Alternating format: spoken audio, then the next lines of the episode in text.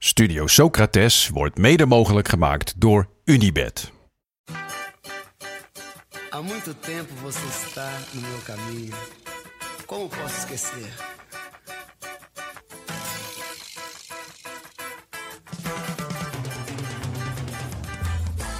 Welkom bij Studio Socrates, een podcast over alles wat voetbal mooi maakt. Met deze week alles over de schoonheid van de dribbel. Beleza é você, menina. Menina, no seu jeito de olhar. Sócrates, Sócrates, tiro.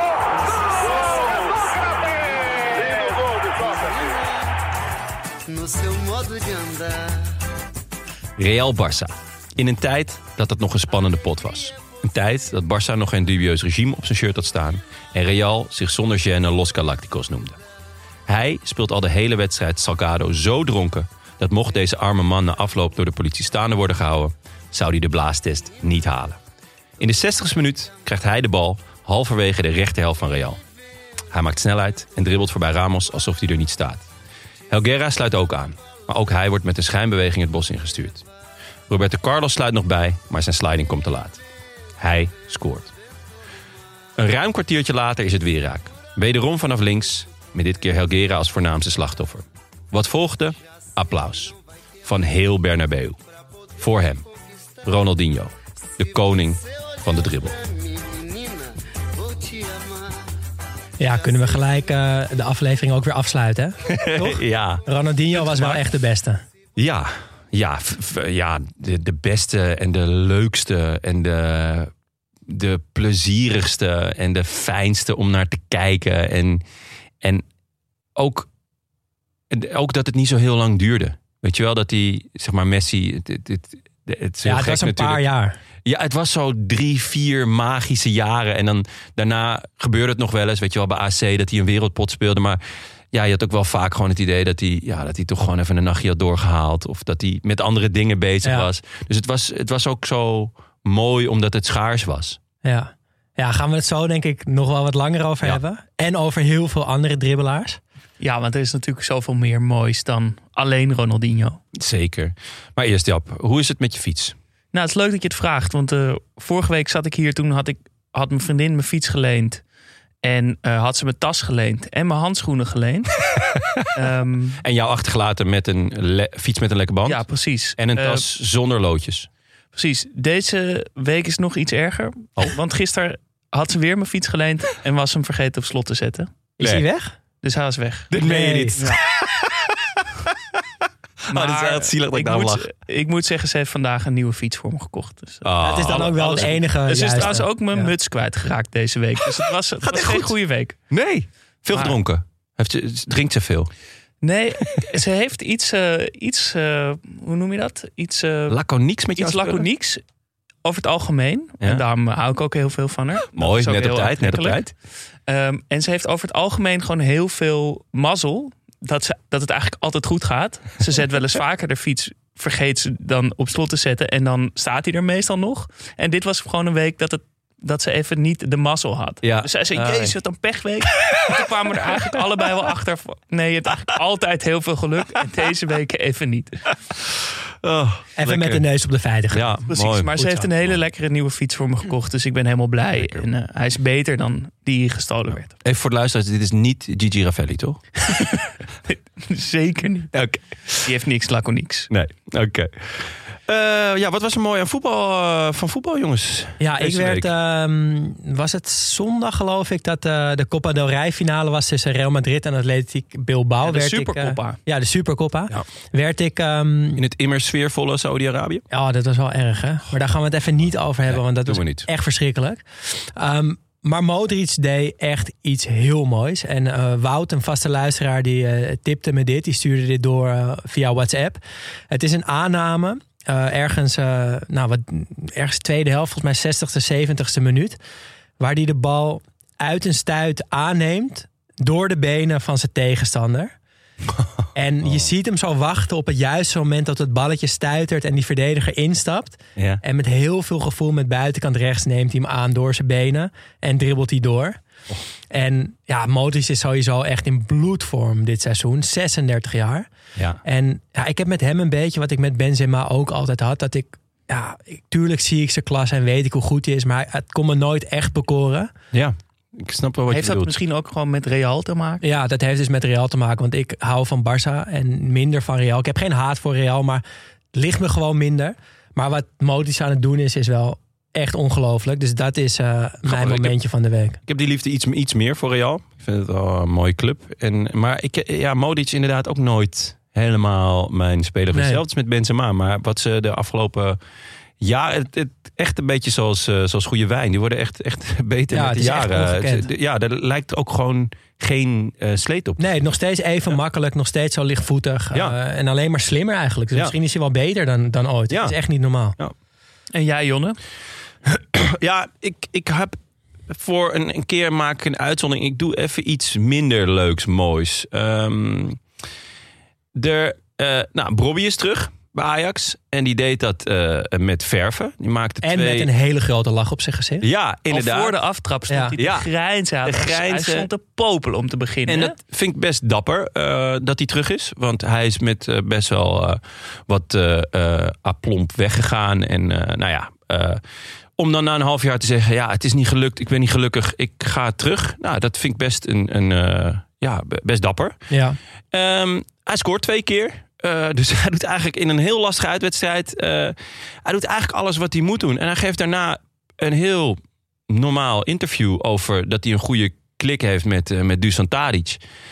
En dat wordt uitgezonden in Studio Voetbal. Die, en Van der Vaart en, en eh, Theo Jansen die, die reageren... ehm, ja, die reageren zo. En Brian Brobby, afgelopen zomer verkocht aan Leipzig, nu weer teruggehuurd. Die maakte gelijk twee.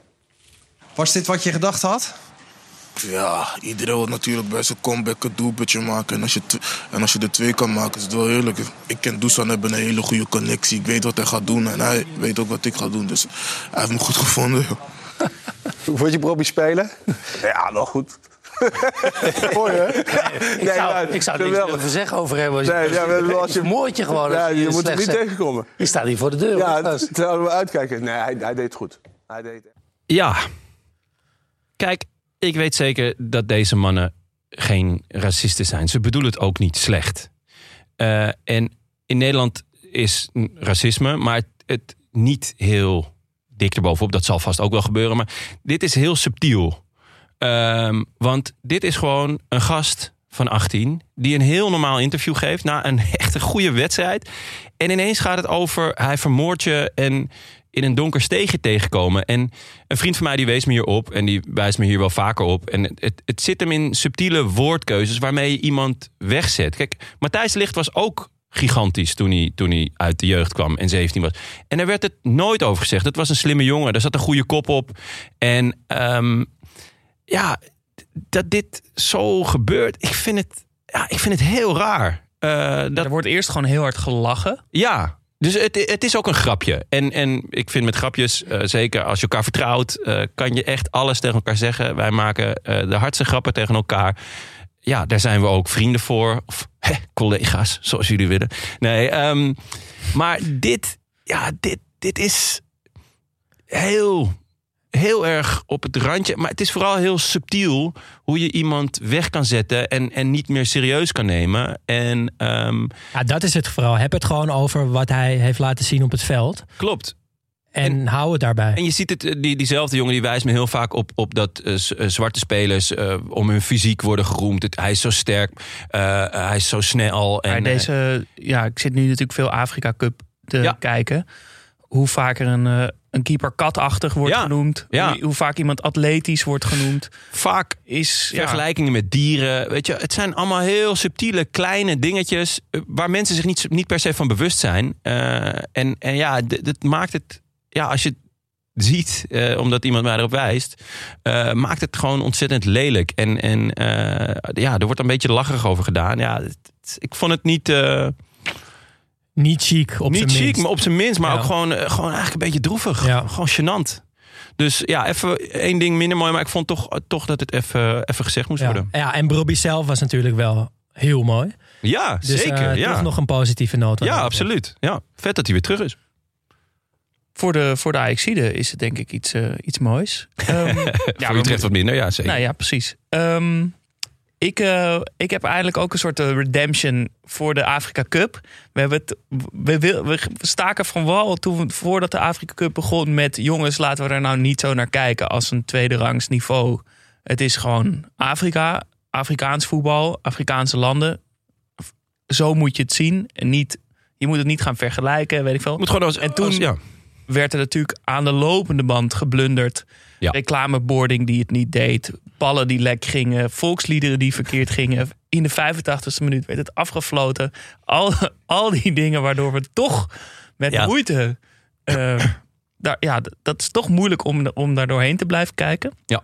Maar ik heb nu een, eh, een groot compliment voor de organisatie. Of in ieder geval voor de regie van de Afrika Cup. Ja. Want er was een shot in de wedstrijd van Ivoorkust... wat echt Oscar-waardig was, wat mij betreft. Ah, Dat is namelijk die blunder van die keeper. Die Ja. echt fantastisch was. Wat een heerlijke blunder. Een, een, terug, eh, een terugkopbal. Een beetje naast het goal. Op de achterlijn vangt de keeper hem. Valt op de bal. Maar eigenlijk met, hij komt een beetje neer met zijn gezicht in de grond. Ja. En, en hij doet eigenlijk de schorpioen, weet je wel. Dus Ja, zijn ja, ja. benen Ja. gaan nog helemaal Ja, het omhoog. kwam al omdat het, eh, volgens mij omdat het veld heel droog was, bleef hij al haken. Zeg maar, hij wou een beetje op zijn borst glijden en dat lukte echt niet. Nee, dus de, en dat, die actie gebeurt links van de goal. Ja. Vanaf, als je naar de goal kijkt, links daarvan. En rechts van het veld stond een, stond een camera parallel aan die actie.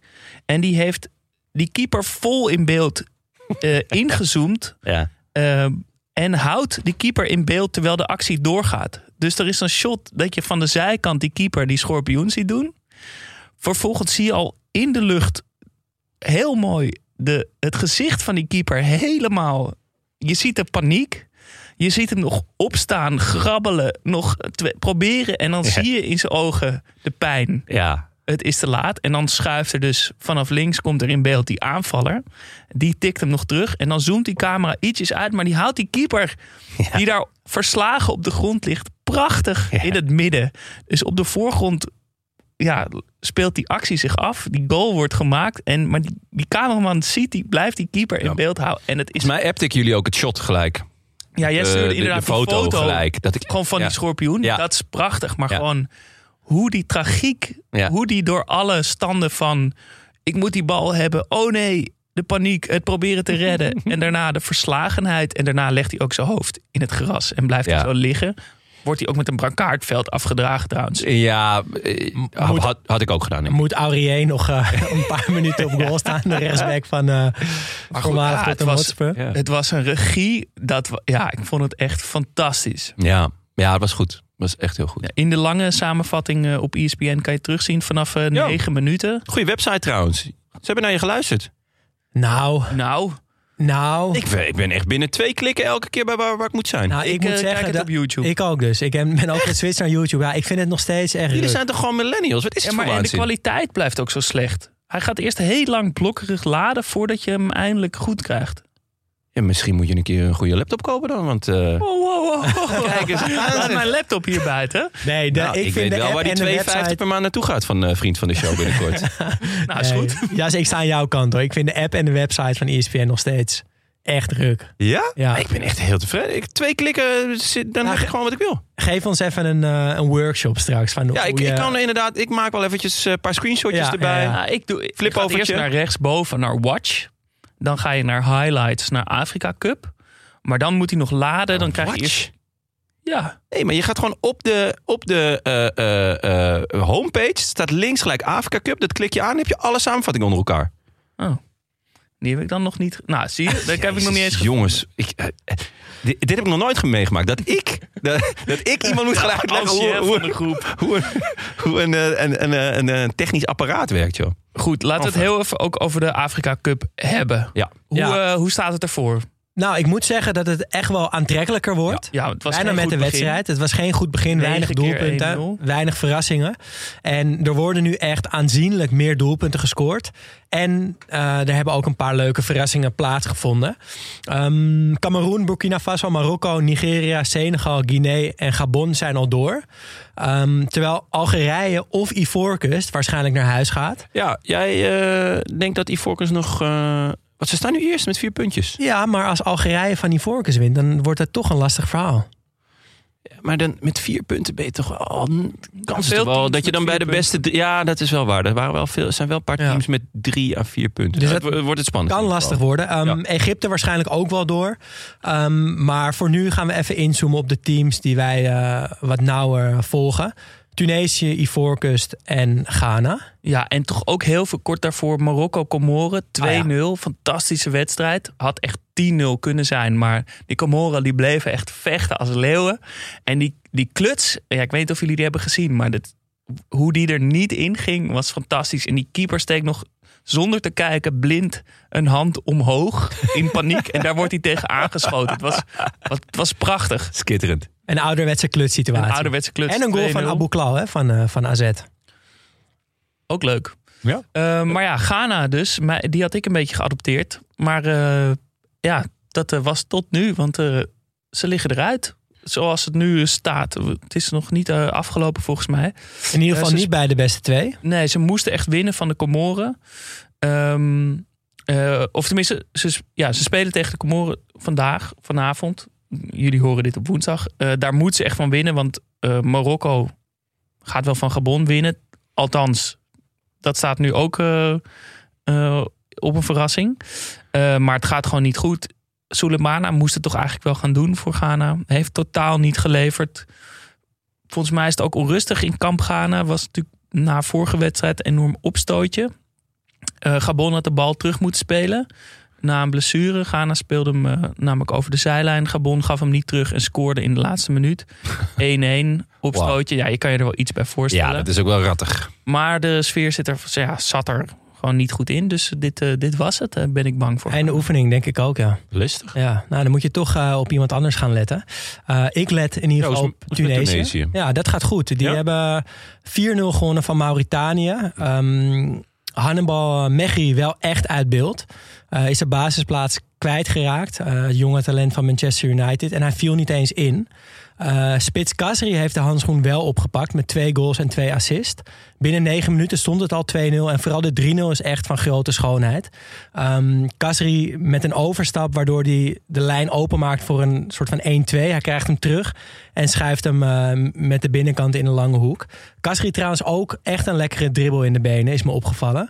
Ehm, dus die hebben zich heel goed hersteld van die slechte wedstrijd tegen Mali. Ehm, ze moeten nu wel winnen van Gambia, die ook vier punten hebben. Om, eh, of trouwens, die vier punten hebben, en Tunesië drie. Om als nummer één of twee door te gaan. Beste nummer drie kan natuurlijk ook nog. Maar het is nog wel spannend of ze doorgaan, ja of Ja. nee. Maar ze hebben zich wel echt goed herpakt met leuk aanvallend voetbal. Lekker. Ivoorkust? Côte d'Ivoire. Ja, ehm, nou ja, we hebben het net al even over gehad. Over die gigantische blunder. Eh, nog even de, de details daarom. Eh, die was dus in de 93e minuut. En het stond 2-1 voor Ivoorkust tegen Sierra Leone. Eh, ik vind het altijd best lekker om gelijk te hebben. Maar dit was wel echt pijnlijk. Eh, het was echt, ja.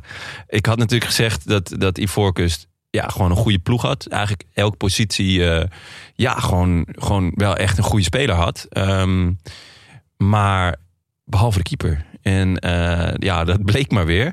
Ehm, eh, desalniettemin speelden ze goed. Ehm Cassie miste een pingel. Gebeurt hem niet vaak, hè? Nee, nee, klopt. Dus eh, de eh, middenvelder van AC Milan.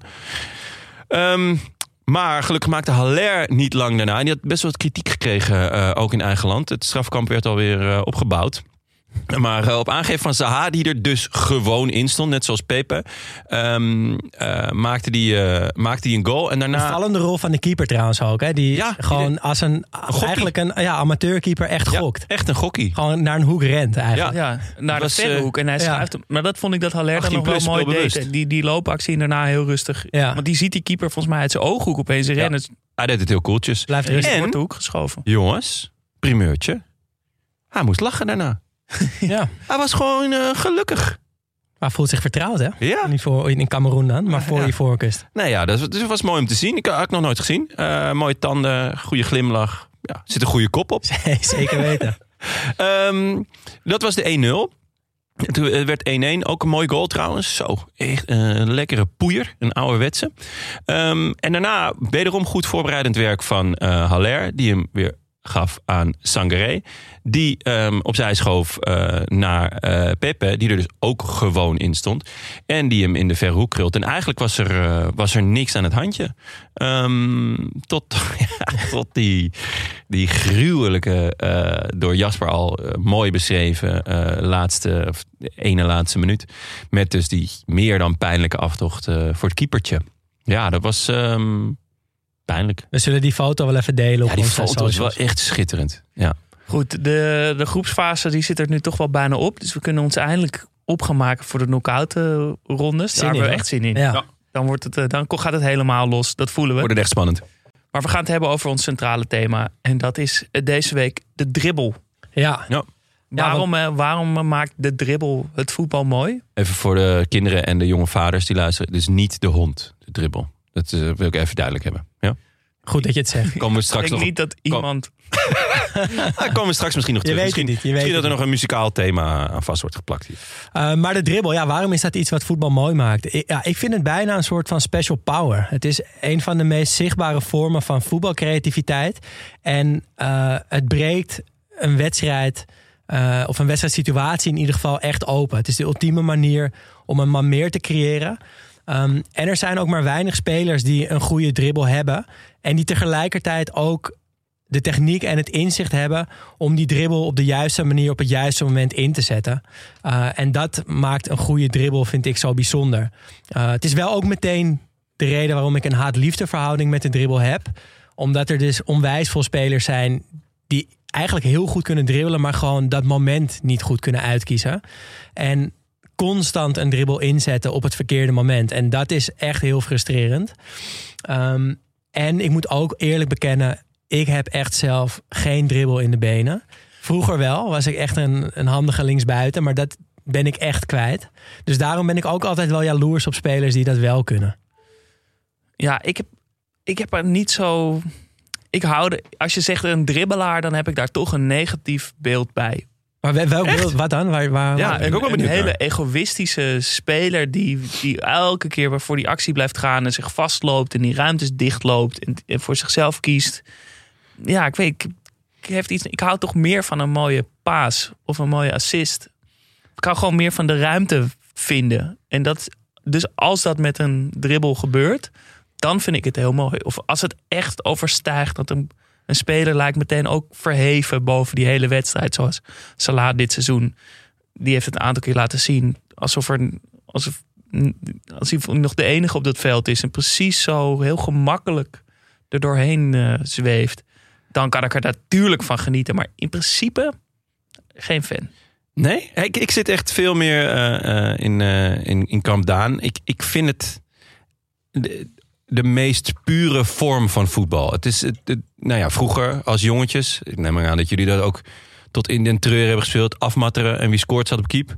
Of kampioentje. Dat uh, vooral, kampioentje. Dat kampioentje. Of op een gegeven moment deden we, want toen kwamen we erachter dat het eigenlijk heel zuur was dat je op keep moest. Maar de, dus als je scoorde, dan mocht je iemand anders aanwijzen die op keep moest. Dat was ook wel een goede deal nog.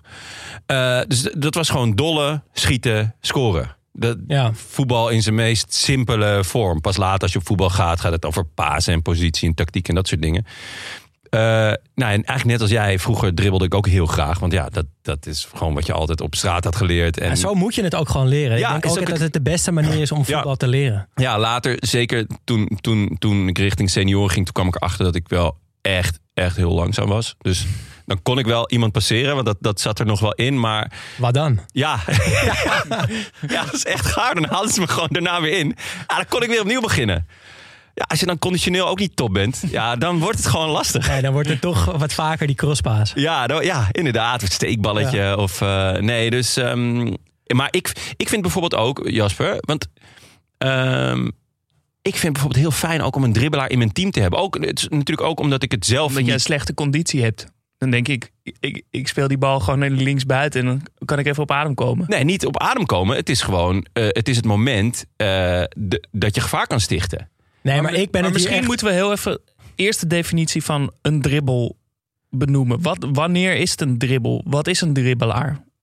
Is het, is het één man passeren met één actie? Is dat al een dribbel? Of is het, nou, uh, is het al, of ja. is het een dribbel ook als je gewoon rechtdoor rent en twee man passeert? Ja, zeker. Kijk, ehm, nee, wat, wat jij eigenlijk, eh, wat eh daar net, net heel goed zegt, is het creëren van een man-meer situatie. En dat, dat vind ik, eh, dat kan je doen door middel van passing, door middel van loopacties, een steekbal, tactiek. Dat zijn allemaal, ja, dat is allemaal teamgerelateerd.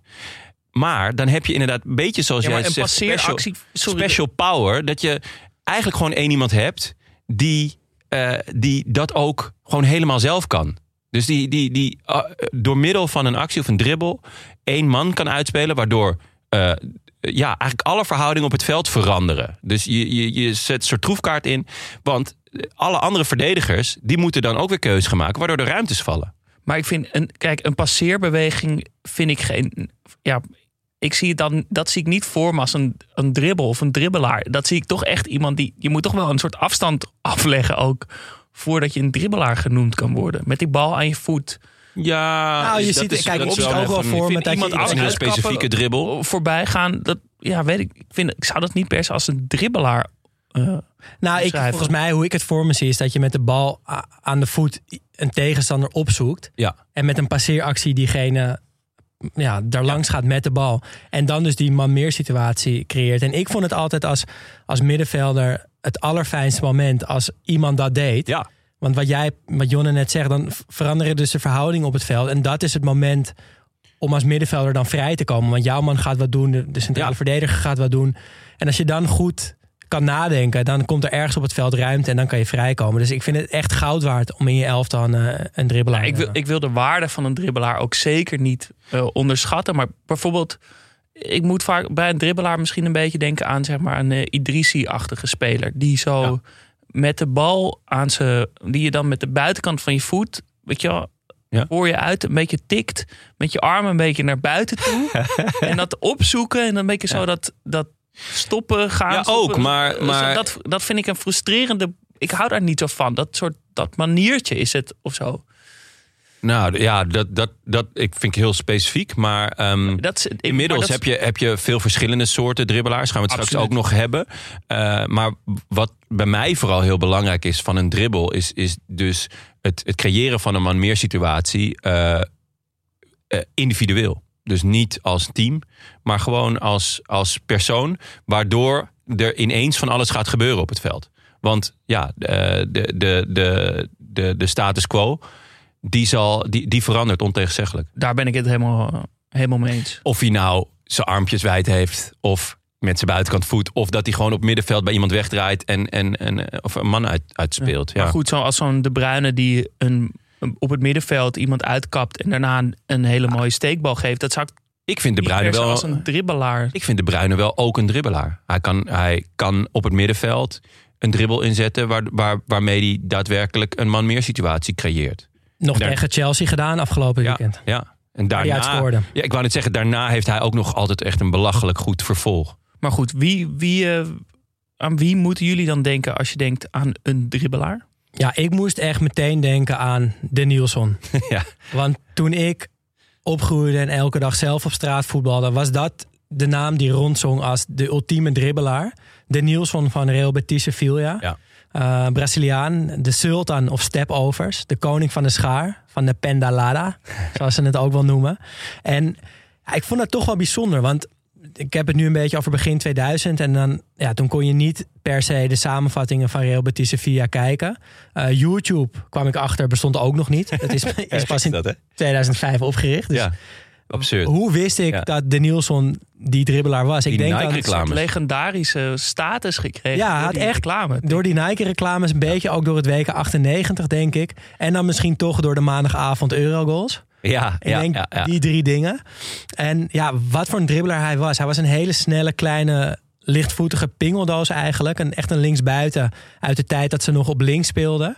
Eh, was ook stijf links, maar dribbelde wel net zo makkelijk binnendoor als buitenom. Heel veel de schaar. Maar deed ook die JJ Okocha truc, weet je wel. Dat hij hem zo onder zijn voet rolt en dan met zijn andere been er overheen stapt. En hij gebruikte dus heel vaak die truc die Cristiano Ronaldo later heeft toegeëigend. Ja. Die kap achter zijn stambeen. Ja. En daar is ook wel echt een mooi, eh, mooi filmpje van op YouTube. Dat hij dat bij Puyol doet. En dat Puyol gewoon helemaal wegglijdt.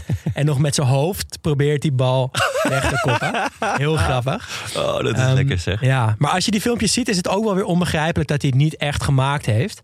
Ehm, maar ik ben er een beetje ingedoken en De Nielsen vond het allemaal wel best. Hij wist, ik ben niet de allerbeste voetballer van de wereld. Hij speelde natuurlijk met Ronaldo, de echte Ronaldo bij Ja. Brazilië. Eh, met Rivaldo, die waren beter. Maar hij dacht wel, ik heb het wel in me om de meest spectaculaire te zijn. Dus als hij op het veld stond, dan dacht hij gewoon: ik ga ervoor. Ik ga het publiek vermaken. Ik ga mijn tegenstander vernederen. En of ik nou score of een assist lever, het zal me eigenlijk een worst zijn. Ik ga gewoon het publiek eh, vermaken.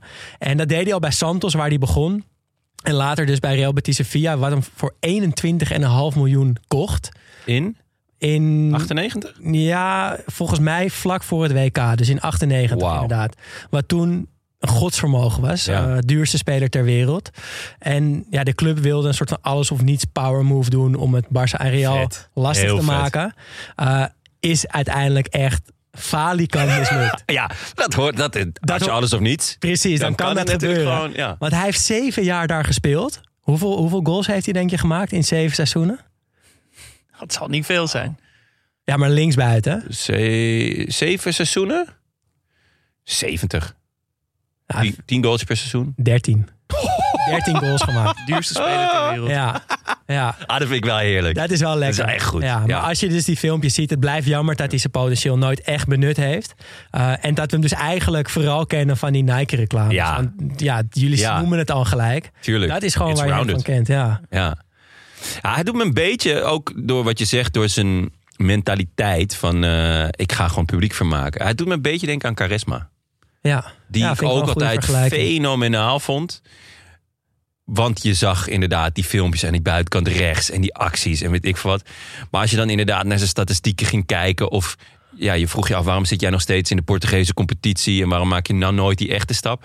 Dat was volgens mij omdat hij ook gewoon dat het allerleukst vond. Ja. Gewoon, eh, ja, ik ga gewoon, ah, ik ga voor de YouTube compilatie. Ja. Dus ik weet niet of hij al wist dat er YouTube compilaties bestonden, maar hij ging daar wel voor. Ja, en met Robinho heb ik dat dus ook een beetje. Die ook trouwens van Santos Ja. eh, kwam. Daar had ik, een beetje, had ik hem iets meer. Ja, ja ik, ik, ik vond hem dus nooit.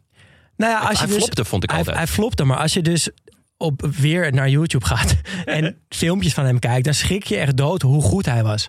En die ene actie in de finale van eh, het kampioenschap van Brazilië, Santos Corinthians, hij is 19 jaar.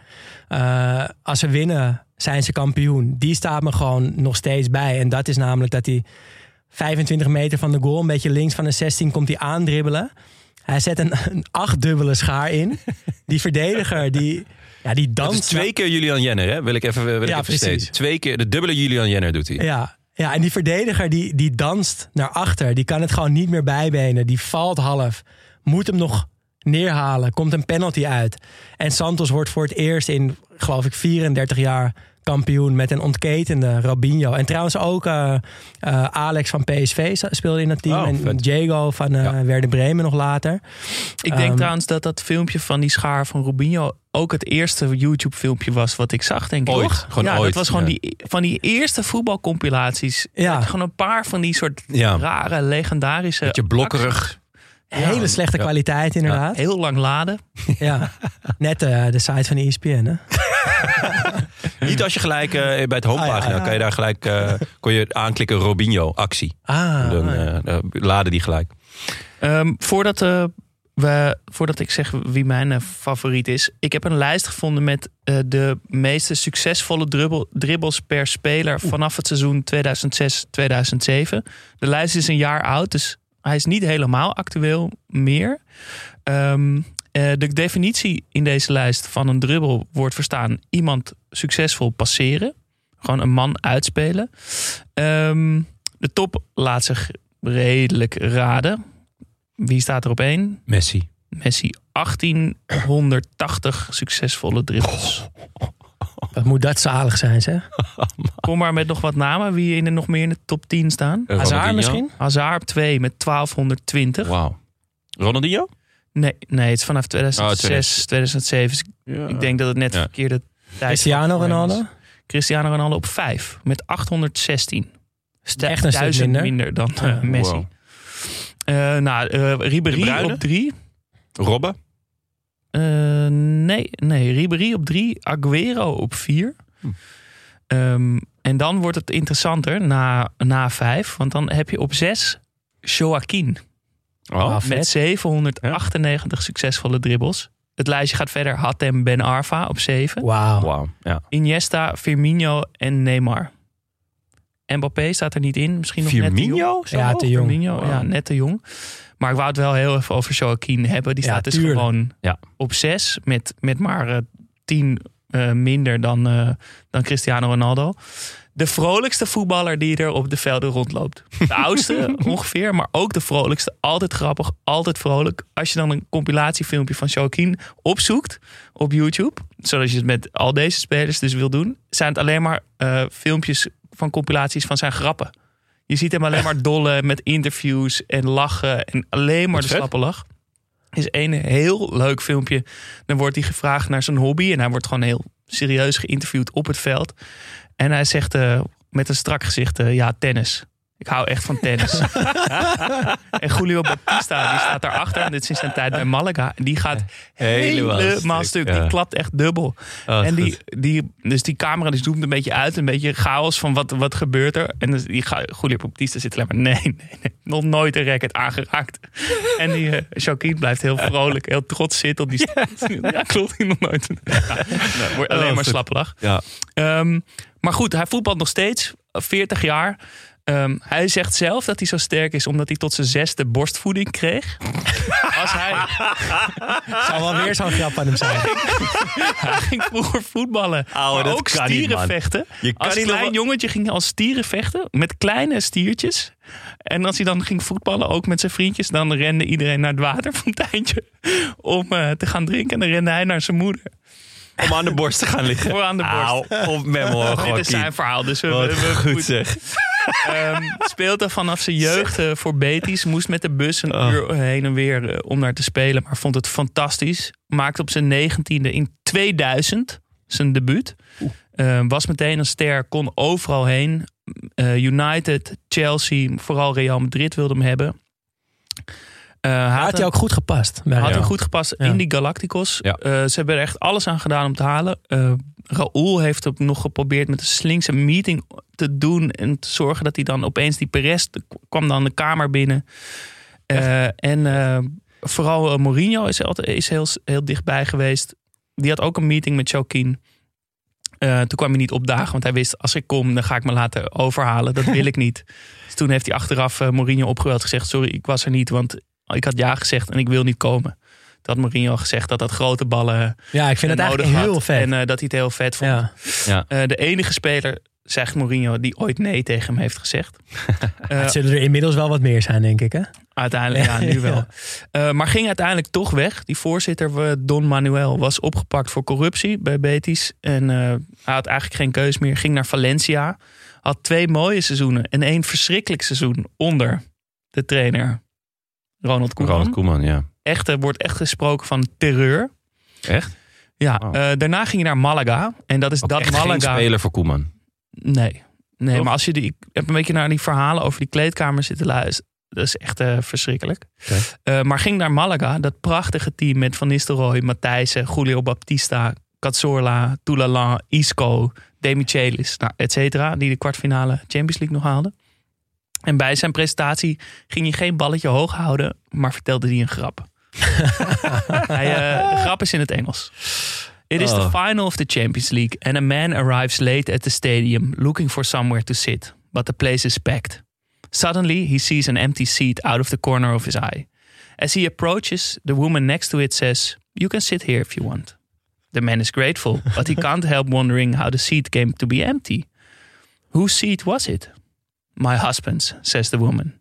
And where's your husband? He, he died. I'm sorry, says the man, but still he is a bit confused. Wasn't there some friend or family member that could have taken the seat today? Why did no one uh, come with you? Because, says the woman, they're all at the funeral. Het is gewoon zijn presentatiepraatje bij Malaga. Om aan te geven hoeveel die van, eh, van voetbal houdt. Oké. Hij ging daarna nog naar Fiorentina. En in eh, 2015 dus weer terug naar Sevilla. Waar 20.000 fans hem eh, verwelkomden. Hij is eh, aandeelhouder geworden van de club. Investeerde Jezus, een vet. miljoen. En is de derde grootste aandeelhouder van de club. Echt? Ja. Zo hij zegt ook tegen iedereen dat hij hun baas is. Lachen. Ehm, en je zou dus kunnen zeggen dat zijn liefde voor de club groter is dan die van zijn eigen carrière. Want hij had, had overal heen kunnen gaan, maar is gewoon trouw gebleven. En dat past heel goed bij Betis. Ja. Betis-fans zijn heel fanatiek. Zoals ik vrijdag in onze vooruitblik al zei. Want de, de, Kwam totaal uit. de Grand Derby Ja. was dit weekend. Dat, was ook, eh, dat bleek ook dit weekend. Eh, maar ze winnen dus nooit. Dus, en eh, de andere helft van de stad, eh, die winnen natuurlijk wel veel. Eh, dus die Betis-fans, de Betikos, die zeggen ook... ja, het is net als liefde. Het is heerlijk, maar, maar je leidt er ook onder. Ja. En dat is eigenlijk net, eh, net als Joaquin. Hij leidt ook onder zijn eigen liefde voor, eh, Mooi. Betis. Heel vet. Heerlijke verhalen. Lekker jas. Maar goed, Zal ik mijn... eh, eh, Joaquin, ja. Ja. Zal ik mijn, eh, mijn eh, eh, favoriete dribbelaar... Eigenlijk had jij mijn, heb jij mijn favoriete dribbelaar, maar Ja, daar komen we zo op zo. natuurlijk. Die staat boven alle partijen. Dus toen ben, ik, ben ik voor ja, een beetje, ook een beetje andere insteek gegaan. Ehm, want in principe hou ik ontzettend van trucjes. Ik vind trucjes echt vet. Ik ben nog steeds fan van Danny Hoesen, omdat hij ooit een akka deed. Als iemand een akka doet, dan ben ik eh, gewoon, ja, heb ik, koop gewoon een seizoenskaart voor. Eh ben ik gewoon voor de rest van het leven fan. Vind ik gewoon vet. Maar ik had altijd een hekel aan de schaar. Ik vond het zo'n gare kutwerking. Deed, deed hem zelf ook nooit, ook op straat. Ik Zo, ik, Hoe kan je daar nou intrappen? Ook, ja, hoe vaker je een schaar... Ja. Maar de laatste jaren is mijn waardering voor de schaar wel toegenomen. Met name door Ronaldinho, die echt een mooie schaar had. Omdat hij daarna ook die versnelling had. En toch ook echt Cristiano Ronaldo, die, die eigenlijk dat eh, perfectioneerde.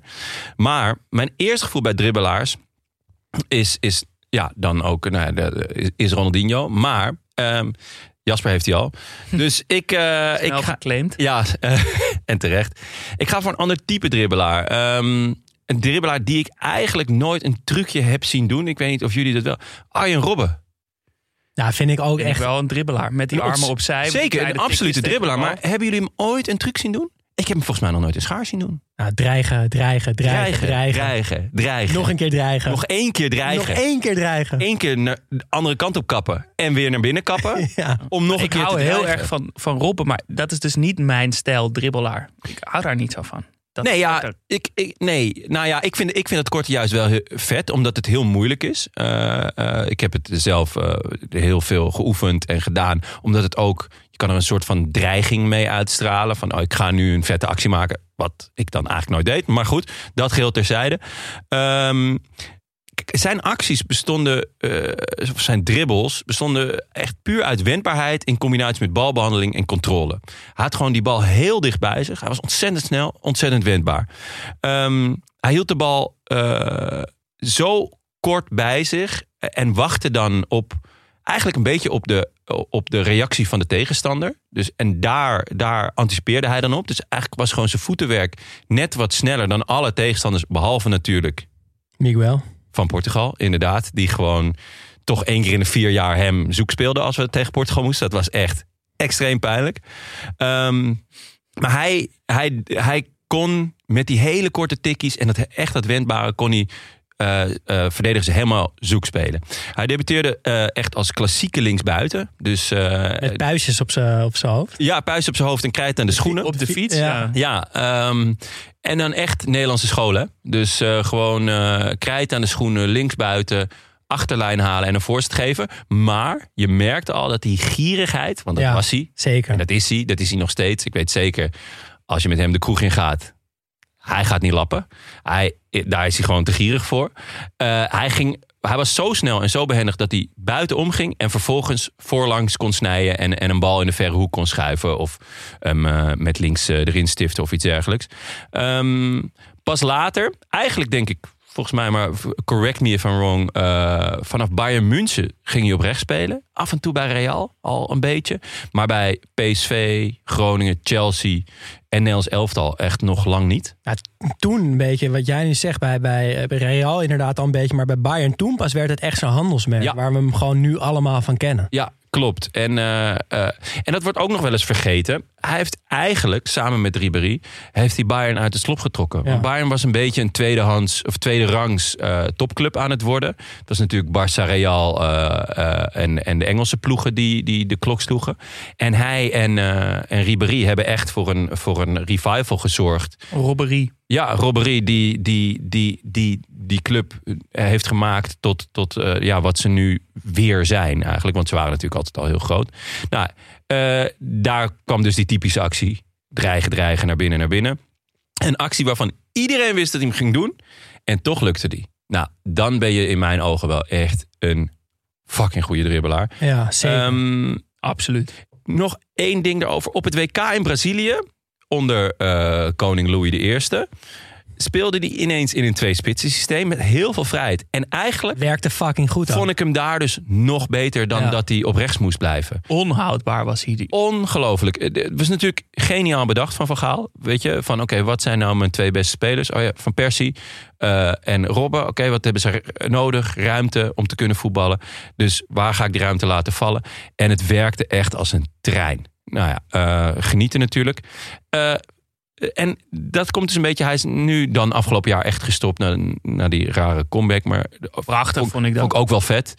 Ehm, heeft hij qua status eh, en, en zijn plek in de Nederlandse voetbalgeschiedenis of de voetbalkanon, heeft hij in, in, in jullie ogen genoeg waardering gehad? Dus eh, Nou, kijk, eh, ja, het rijtje Kruif, Gullit, Van Basten heb je natuurlijk. ik vind dus dat hij daar gewoon in hoort. Ja, dat vind ik ook echt. Want eh, kijk, hij heeft de pech dat hij altijd geblesseerd was. Waar hij volgens mij echt niks aan kon doen. Want er was Nee. volgens mij niemand die harder werkte, die fitter was dan Robben. Alleen hij had gewoon een lichaam wat niet meewerkte. En alsnog is hij zo goed geweest en heeft hij zo'n mooie carrière gehad. En ik vond hem beter dan Snijder, beter dan Van der Vaart en Ja. beter dan Van Persie. Ja. Dus wat mij betreft eh, zou hij eigenlijk misschien dus nog wel meer lof moeten krijgen. Maar Ja, ik heb het idee dat ook. die lof wel blijft groeien nu. Nu dat hij ook naar de, comeback nog weer. En ook die tijd bij die laatste twee jaar of zo bij Bayern. En dan nu dat hij gestopt is, heb ik het idee dat die, dat die legendarische, iconische status van hem wel Ja. steeds Ja. meer groeit. Maar waar dat die van Komt ook natuurlijk ook minder wordt. Precies, omdat Van der Vaart en Snijder gewoon hun eigen troon echt aan het affikken zijn gewoon. Je bedoelt koning Toto. ja, precies. en Persie, van Ruben van Persie is natuurlijk ook gewoon, was echt heel goed en is ook Ja. nog steeds fit en goede persoonlijkheid. Doet leuke dingen nu ook bij Feyenoord volgens mij. Ehm, maar Robben, ja, ik vond Robben echt de beste van die vier. Ja. Ja. ja, ik hoop dat hij dus die plek eh, gaat krijgen. Dus, dus het, nou ja, je hebt Kruif, Gullit, Van Basten... en dan eh, later eh, Kluide, Kluivert, Bergkamp, Zeedorf, weet je wel, die, die generatie. Dit, ik ben heel benieuwd in onze Nederlandse voetbalkanon... van wie waar gaat blijven hangen en op welke positie. Dat kan je natuurlijk al pas na een jaar of 10, 20 zeggen. Nou, het is Ehm, natuurlijk ook dat hij altijd een van die grote vier blijft. Omdat zij met z'n vier Ja. zo opkwamen. Dat zal hij daar altijd tussen blijven staan. Of hij nou beter of, of, of minder goed was. Ja, maar het grappige is dat hij... Dat hij Maar Zeker ook met dat hij dat, daar wel met dat nu aan het door aan Ja, het met het WK in Brazilië, heeft- daar was hij namelijk gewoon nog steeds op absolute wereldtop. Terwijl eh, Van Persie en Sneijder toen toch al een beetje nou ja, op hun return waren. Ook qua, qua clubs natuurlijk. Goed, dan eh, mijn eh, favoriete Ja, eh, dribbelaar. En dat is natuurlijk eigenlijk een beetje namens ons allemaal, denk ik. Want Namens ook, weinig ook namens alle zijn. luisteraars, toch? er is maar één, de allerbeste, denk ik. Ehm Ronaldinho. Ja. En wat ik zei, ik, hou dus niet zo van die kleine technische dribbelaartjes... die zo tik, tik, tik, tik, tik er doorheen gaan. De Messi of de, de Robben. Voor de luisteraars, Jasper doet het nu even voor. Ja, nou, tik, tik, tik, tik, tik.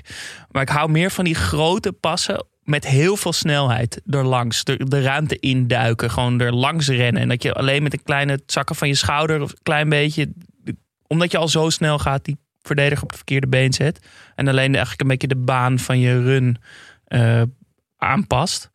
Eh, en ik denk dus, ik denk de, de mooiste voorbeelden daarvan zijn die, zijn die van, dribbel van Giggs tegen Arsenal. En die wonderdribbel van Van Nistelrooy. Die Die vind ik Ja. zo mooi. Die eigenlijk alleen Ja. maar rechtdoor gaat. Ja. Ja. Hij, hij ziet gewoon En heel ruimte en hoekig. gaat door. Hoekig, grote passen, snelheid. Ja. En dan tikt hij hem nog op het laatst zo heel mooi met zijn binnenkant nog langs de keeper. Ja. Maar ja, ik, ik, ik denk toch dat Ronaldinho, die, die had dat ook. Maar die was natuurlijk veel technischer dan, dan dat. Maar die had ook zeker in het begin die jonge eh, Ronaldinho bij, bij Paris. Met die grote passen. En dan deed hij die akka ook helemaal Ja, heel buiten. wijd. Dan deed hij hem ook nog helemaal. Dan stond hij al wijd bent. Ja. En dan deed hij alsnog die akka. Ja, hij was heel lenig. En, dat zei dan, ja, dan ging hij, en dan ging hij ook zo snel in dat begin. Dat, hij, dat, dat de ruimte op dat veld, dat leek bijna. De veld leek twee keer zo groot te worden. Overal lag opeens ruimte, toch? Ik kon er overal heen. En eh, wat ik denk dat ook. Wat hij wel ook heel goed deed. Zeker in zijn tijd bij Barcelona. Is dat hij zo'n dribbel maakte. Twee man passeerde. En dan een paas gaf. Ja. Volgens mij, als je begint aan een dribbel. En je bent langs twee man, dan denk je: Oh my god, ik ben al langs twee man. Dit wordt de goal van mijn leven, toch? Ja. Die adrenaline gaat. Oh. En, Ja. en je bent zo gefocust op die meter voor je dat je alleen nog maar daar bezig bent. Een soort richt, de baan richting goal. Maar hoe je dan ook nog overzicht houdt, terwijl je op volle snelheid mensen voorbij gaat, is iets wat ik, wat ik alleen Ronaldinho eigenlijk echt heb zien doen. Dat je dan ook nog zo'n geweldige paas geeft. Ja, dat is echt zeldzaam. Maar daar, daar is ook wel, want ik, ik heb een paar onderzoeken ook gelezen die, die inzoomen op, weet je, wat maakt, wanneer is een dribbel nou... Waarom kunnen eigenlijk goede dribbelaars zo goed dribbelen? Dat is een beetje Ja. de vraag die ze stellen. En dan heb je het natuurlijk over, over snelheid en over eh, techniek, dat soort dingen.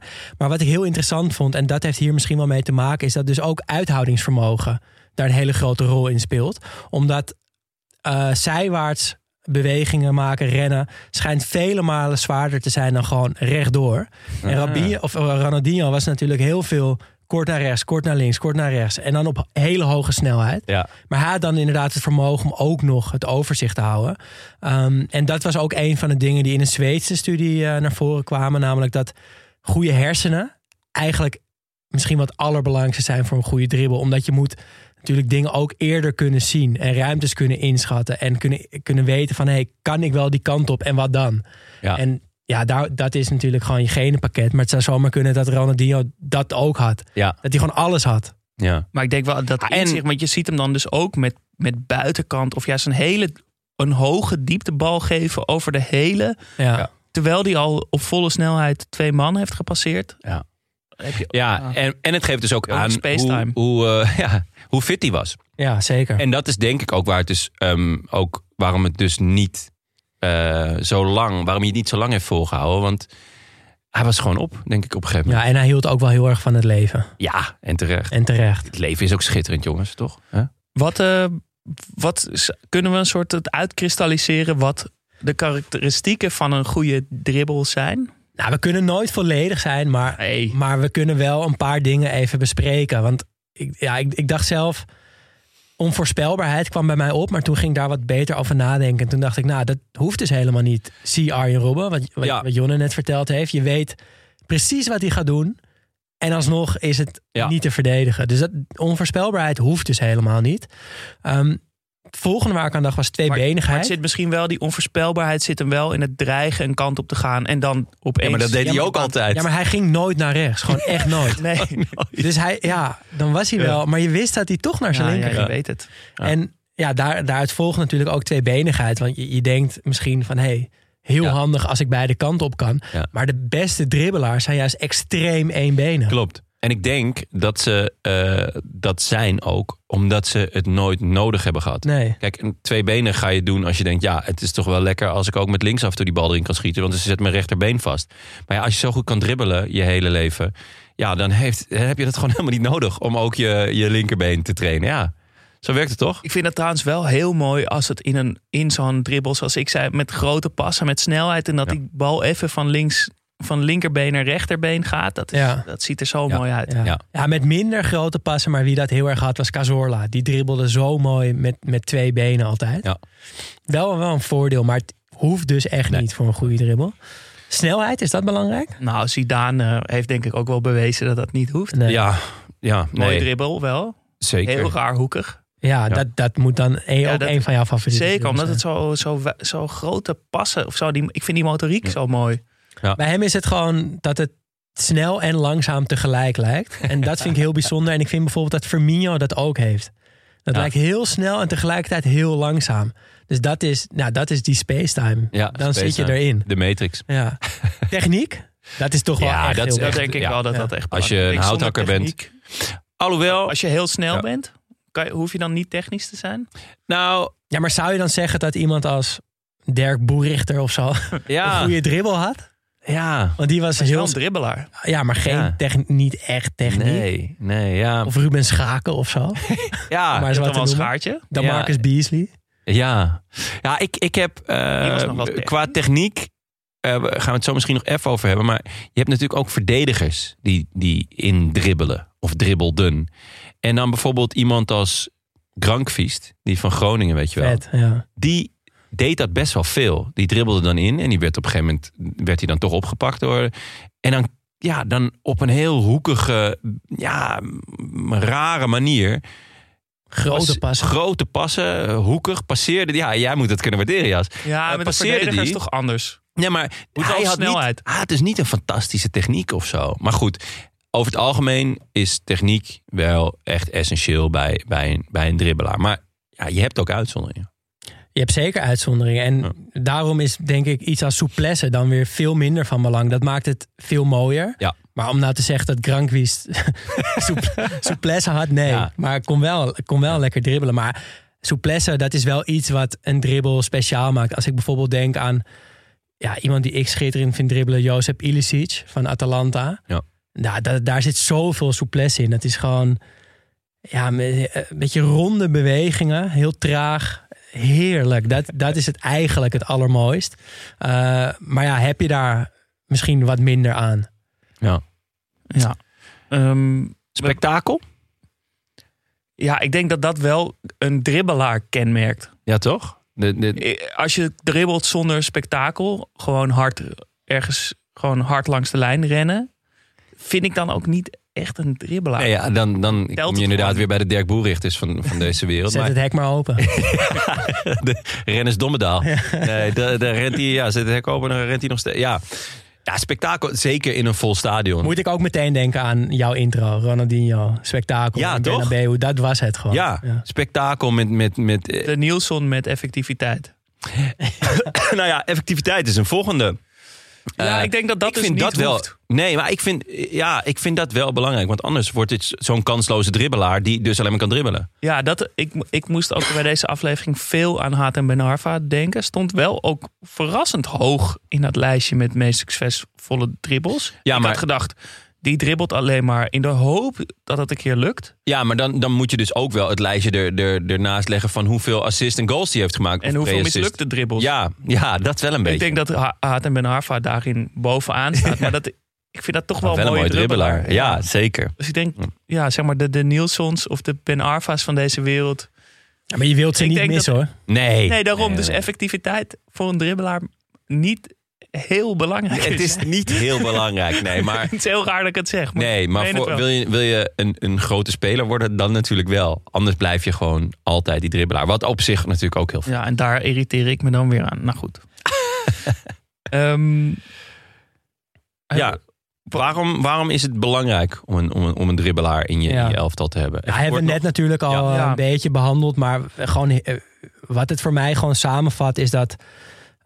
Een, een, een dribbelaar, weet je, de plannen kunnen gewoon de prullenbak in als een dribbelaar het op zijn heupen heeft. Ja. Kijk, als, als Neymar ehm, speelt heel vaak ook heel slecht, maar als hij het op zijn heupen heeft, Ja. dan kan je een leuke tactiek hebben uitgedacht als tegenstander. Maar dan maakt het gewoon niet uit, want dan gaat hij uit positie lopen, komt hij de bal ophalen in een druk middenveld, passeert hij drie man en dan kunnen echt al je plannen de prullenbak in. Ja. En maar, en dat is denk ik eigenlijk precies waarom ik dus niet zo van die dribbel hou. Want die actie, die is natuurlijk fantastisch. Die, die drie man uitkappen op een middenveld. Maar dan ontstaat er zoveel ruimte, die vaak dan door dribbelaars wordt dichtgelopen.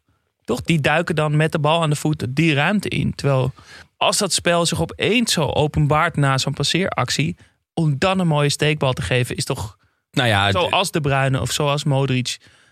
Dat vind ja, ik veel je, mooier. Je moet hem wel nog even bij je houden totdat de tegenstander een keus gaat maken natuurlijk. Ja, goed, oké. Dus maar je, je, maar speelt wordt- iemand uit. Kijk, als je iemand uitspeelt, moet je niet gelijk daarna die paas geven. Want die had je daarvoor waarschijnlijk ook al kunnen geven. Je moet juist indribbelen of opdribbelen totdat Ja, zij iets moeten gaan doen. Wordt, als je dan echt een pure dribbelaar hebt, wordt die ruimte juist dichtgelopen.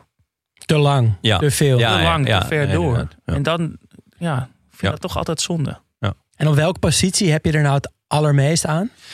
Nou, eh, eh, ehm, klassiek gezien zeg je links en rechts buiten. Ehm, maar dat, dat is een beetje een, eh, een, een, eh, een soort van balans. Kijk, je doet het om een man meer te si- situaties te creëren. En hoe dieper op het veld, hoe moeilijker dat is. Want over het algemeen staan er bij de tegenstander achterin meer mensen. Dus eigenlijk achterin zelf, voor verdedigers, is het best simpel om iemand uit te spelen. Want Je hebt alleen hele grote ballen voor nodig. ja, je hebt, ja, maar het risico is dus groter. Voorin is het risico minder groot, want je, je kan hem verliezen. Want ja, hè, er is toch een, een, eh, een man meer situatie. Dus eigenlijk vind ik het allervetst, en dat is wel een, een, een, een, eh, een tendens die, die, ik, eh, die je wel wat meer ziet nu, is dus dat er op het middenveld veel dribbelaars staan. Nu. Werken nog vooral op zes. Op zes, ja. Wat, eigenlijk, wat natuurlijk gewoon een heel risicovolle positie is. Maar eh, ik geniet echt natuurlijk... eh, Jasper, hoe is het met je verliefdheid? Nog steeds goed. Frenkie de Jong, ja, still going strong. Is echt zo'n heel typisch voorbeeld. Maar Gravenberg vind ik hetzelfde Zeker. type speler. Kovacic van Chelsea ook heel Ja. erg. Nou, de Bruyne doet het één positie dieper. Eh, Lucas Moura vind ik eigenlijk eh, vind ik ook al jaren eh, doet het ook vrij diep, maar ook wel echt een middenvelder. Eh Iniesta natuurlijk, Zidane, Deco deed het in mijn ogen ook wel veel. Zonder snelheid, heerlijk. hè? Zonder snelheid. De spelers die eigenlijk eh, eh, op het moeilijkste gedeelte van het veld toch succesvol dribbelen. Vieira ook zo'n, eh, weet je wel, dan met, met van die grote passen. Dus inderdaad wat, wat, wat hoekiger. Maar ja, daarom vind ik eigenlijk, want op middenveld is het allerdrukst. Als je daar een man meer kan, kan, kan creëren, middels een dribbel, dan creëer je dus, dan, dan sla je de tegenstander uit het lood. Want dan moeten de, eh, de verdedigers moeten iets gaan bedenken, die moeten gaan uitstappen, die moeten gaan kiezen. En als je dan het vervolg heeft, dan heb je een aanval. Ik zie ook wel een eh, golfbeweging voor me. Dat de, de klassieke dribbelaar is natuurlijk een beetje uitgestorven. Voetbal is toch Ja. anders geworden. Met, eh, maar ik zie dat toch wel weer een beetje terugkomen. Toch, want hoe beter de verdedigende teams ook nu op het moderne voetbal worden aangepast, hoe meer noodzaak er denk ik ook wel weer komt voor Ja. dus Ja. Ja, wat Daan zei, een soort een special power. En het blijft gewoon een zeldzaamheid. Dus als je die special Ja. power hebt, dan ben je gewoon spekkoper. Ja. Ja, heerlijk jongens. En dan hebben we nog eh, een paar mooie inzendingen van de luisteraars eh, te goed. Ehm, Iniesta werd heel veel genoemd. Frenkie de Jong natuurlijk. Cazorla werd ook veel genoemd. Eh, maar we hebben er drie uitgekozen met echt een mooi verhaal eraan vast. Ehm, de eerste kwam van Dogan op Instagram. Die had het over Ribéry. Hebben we al even kort genoemd. Maar hij had het over Ribéry in zijn tijd bij Galatasaray. En ik ga even oplezen wat hij naar ons stuurde. Ribéry kwam jaren geleden uit Metz naar Galatasaray. Niemand kende hem. Werd uitgelachen door zijn voorkomen. Nu nog zeggen voetballers van toen dat ze niet wisten dat hij een voetballer was toen ze hem zagen verschijnen. Een mager, tenger, verlegen mannetje met zijn short helemaal omhoog getrokken. Maar dat veranderde zodra hij de bal in zijn voeten kreeg. Hij slalomde door het veld alsof de spelers er niet stonden. Op een half seizoen heeft hij door financiële, financiële malaise geplaagde Galatasaray veel punten, hoop en een verpletterende bekerwinst tegen Fenerbahce gegeven. Jammer genoeg is hij ook door die financiële malaise vroegtijdig vertrokken na amper een half seizoen. Maar zijn passage was zo mindblowing dat hij niet als lafaard, maar als held werd bezongen. De zoon van de wind werd hij genoemd. Snel, explosief, uitstekende balbeheersing, voetenwerk, vista, fenomenaal. Wauw, ik was gewoon helemaal vergeten dat hij daar had gespeeld. Ja, en dus toen had hij dat allemaal al. Ja, Alleen toen zag niemand het. nee. Heel Vet. mooi. Ehm, dan hebben we een spraakbericht van Bruce Willis, een vriend van de show. Hey boys, Bruce Willis hier. Het is zover. Het is eventjes werk geweest, maar eindelijk ben ik bij. Al jullie afleveringen zijn gebinged. En dan kan ik natuurlijk niet achterblijven om door geen vriend van de show te worden. En ik dacht, ja, ik kan wel in mijn eentje vriend worden, maar ik ben bij jullie gekomen door eh, een goede vriend die eh, mij jullie show heeft aangeraden. Tim Schulz, aka Jules de la Couchette, aka Jules Timmers. En ik dacht, ik neem voor hem ook gewoon zo'n vriend van de show. Dus hij is twee keer afgerekend. Jullie hebben er twee vrienden bij. En dan kan ik natuurlijk ook niet achterblijven om meteen mijn lievelingsdribbelaar eh, te noemen. Ik ben echt heel erg fan van spelers die de eredivisie toch een beetje extra show geven. En voor mij was Moussa Dembele die man die dat zeker heeft gedaan. Maar dan is er nog wel één eervolle vermelding. Ja, die eervolle vermelding die gaat uit naar Bradley Kuwas van eh Heracles. Een speler die eh, soms een beetje vergeten wordt. Maar dat was wel een speler die voor mij eh, het voetbal kijken echt leuker maakte. In de eredivisie zo'n speler te, te zien glitteren vind ik gewoon heerlijk. En dat maakt onze competitie gewoon net even dat stukje leuker. Jongens, bedankt. Ga, ga door met waar jullie mee bezig zijn. En eh, ja, tot snel. Wauw, Heel vet. dankjewel Bruce. En helemaal mee eens. Echt Ik een ben- goede inzending. Hè? ik was het er ook helemaal mee eens. Ja. Maar ik was het gewoon vergeten. Ik ben echt al jaren fan van Brenny Koers. En nu eh, de afgelopen jaren eh Girano Kerk. Hetzelfde verhaal. Gewoon echt spelers die vanuit niets iets kunnen creëren. En eh, het vaak ook nog koppelden aan effectiviteit. Want het zijn jongens die ja, toch altijd wel 10, Ja, Q was eh, eh 10 met een aardig rendement. à 15 goals eh, per jaar maken. Ja. En eh, lekkere trap had hij ook. Goede Linkspoot. trap, linkspoot. Speelt en, eh, nu bij Maccabi Tel Aviv. ja, Maar was in zijn prime bij Heracles eh, echt niet te houden. Nee. Dus fantastische inzending. En dan eindigen we eh, met eh, ja, Paling. Kan er maar één zijn. Hallo, Studio Socrates. Paling hier. Op de vraag over de mooiste dribbelaar moet ik onmiddellijk denken aan Moussa Dembele. En ik heb het dan over de Moussa Dembele van AZ Alkmaar en meer bepaald het filmpje Tita Tovenaar. Jullie weten ongetwijfeld over welke goal ik het heb. Voor mij is dat een iconische dribbelgoal. Ehm, als ik denk aan iconische dribbelgolen, dan kan ik er maar een viertal bedenken. Die van Zlatan bij Ajax, Eentje van Messi van op de flank bij Barcelona en de Maradona-goal tegen Engeland. En dan heb je Moussa Dembele, die er als vierde toch maar mooi in een rijtje staat met iconische voetballers.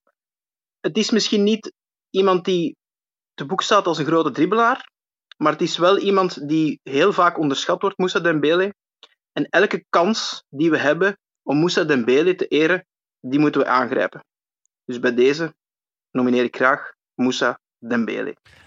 Skitterend. Ja, Ja, Niet een mooie dribbelaar. Tenminste, niet in de Nou. klassieke zin een mooie dribbelaar. Een rare, rare motoriek. ja gewoon echt zijn eigen maar stijl. hij is Maar daarom een juist zo heerlijke mooi. inzending van, eh van We hebben het al eerst over, eerder over hem gehad. Ook, denk ik, de enige speler ooit die van links buiten naar verdedigende middenvelder is Ja. gegaan. En die heel vaak terugkomt eh, in onze podcast. Ja, En eh, zeker. Volgens mij ook unaniem besloten dat meest ondergewaardeerde voetballer aller tijden. Zeker. Eh, mooi, dat was het dribbelen. Heerlijk. Echt heerlijk. Ja, Ja. ik heb helemaal zin om nog meer eh, eh, compilaties te kijken. kijken. Ja, dat is wel weer genieten, ja. Voordat we stoppen, eerst ook nog ons Klaboe-item. Klaboe ontwerpt en verkoopt sportkleding. En met de opbrengst worden sportclubs in vluchtelingenkampen gestart. En de slagzin van Klaboe is de Unbeatable Spirit. En wij kiezen elke week een speler die volgens ons de Unbeatable Spirit heeft. En deze week gaat het uit niet naar een speler, maar naar een club, namelijk Konya Spoor. Eh, deze week overleed de Konyaspor-speler en Turks international... en ook bijvoorbeeld oudspeler van Galatasaray, Ahmed Çalık. 27-jarige verdediger. Speelde vorige week nog mee tegen Sivasspor... maar kwam 11 januari om het, om het leven door een eh, verkeersongeluk. En eh, dat is natuurlijk altijd eh, pijnlijk... en dat is al genoeg reden om ze te eren. Maar wat is nou meer de eh, unbeatable spirit... door de eerstvolgende wedstrijd te winnen. Ze wonnen eh, dit weekend met 1-0 van Adana Demirspor. En een prachtig eerbetoon eh, in de warming-up. Ehm, met heel veel bloemen en eh, lampjes. En eh, in de zesde minuut werd de bal ook over de zijlijn gespeeld. Hij had nummer 6, vandaar. Eh minuten, minutenlang applaus en heel veel rode rozen die het veld op werden gegooid. Was echt mooi. ja Echt mooi, maar Unbeatable Spirit is dan natuurlijk wel in naam van je overleden teamgenoot die wedstrijd gewoon winnen. Ja. Dus deze week Konjaspor. Mooi. Yes, mooi. En dan Jasper, mag ik Ja. een roffel? Ja, het is eh, Want- vorige week dus misgegaan. Ja, dankzij eh, jouw vriendin. Maar Dankzij- nu... Ja, die komt wel slecht uit de bus. eh, nee, nee, aflevering, helemaal moet niet. ik zeggen. Maar, maar ze is heel lief en heel weet mooi. ik, absoluut. Groot fan. Maar eh, daardoor moesten we de loting een weekje uitstellen. Ja. En daarom nu. Daarom nu gaan we een dubbele loting doen. Eh, twee, er worden twee loodjes getrokken. Die winnen allebei een echt Studio, Socrates keer uh, Klaboe shirt. En de eerste vriend van de show die een shirt opgestuurd krijgt... Ik hou dit niet heel lang meer vol. Oussama Oulat Faris. Oh, gefeliciteerd. Leuke, leuke vriend van de show. Daar zijn we blij mee. Ja? En de tweede, die ook een echt Studio Socrates keer Klaboe shirt. Ik vind dat je dit echt... Je bent een soort beetje Gaston Sparreveld. En je moet dit toch een Maar dan beetje- met haar. Is Paulo Dybala stiekem eigenlijk Marcel. Oh, nice. Nou, gefeliciteerd. Gefeliciteerd. Eh, Neem even contact op Neem met, contact eh, met ons. Stuur je eh, adres. ja. Dan sturen wij je, jullie allebei een, een echt Studio Socrates keer Klaboe shirt op. We hebben er nog een paar, dus we gaan de komende afleveringen nog meer verloten. Wil je daar dan kans op maken? Word dan ook vriend van de show. We hadden weer een aantal nieuwe vrienden ook. Eh, toch even noemen nog snel. Zaten die wel in de tombola al? Ja, zeker. Ah. Ja, Nee, zeker. Ik heb net nog zitten Ja. schrijven. Ja, lekker. Magische Marco, eh, Ries.mp3, Hans de Gele Knari, Ruben Stoikov, Kea en Bruce Willis. Lekker. Eh, en dan eh, je kan je ook onze oude aflevering nog beluisteren, jongens. eh, over teams uit recente verleden. Zoals die over PSV met Alex Gomez en Hiddink. Dat was ook genieten. Eh, of over het avontuur van Leeds United in de Champions League halve finale.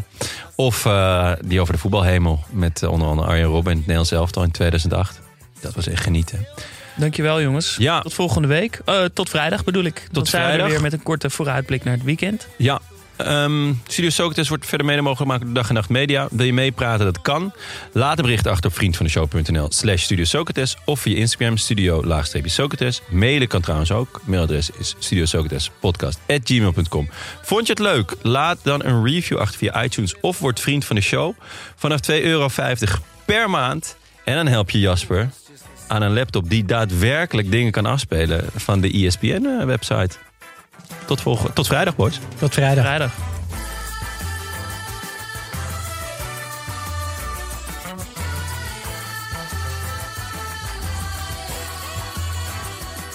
A beleza é você, menina, no seu jeito de olhar. O sucesso é você, menina, menina, no seu modo de andar. Alegria é você, menina, menina, no sorriso que dá. Vendaval por amor, menina, menina, todos querem te amar. Ei, vento, vento, vento no mar, te segura no balanço pro vento não te levar.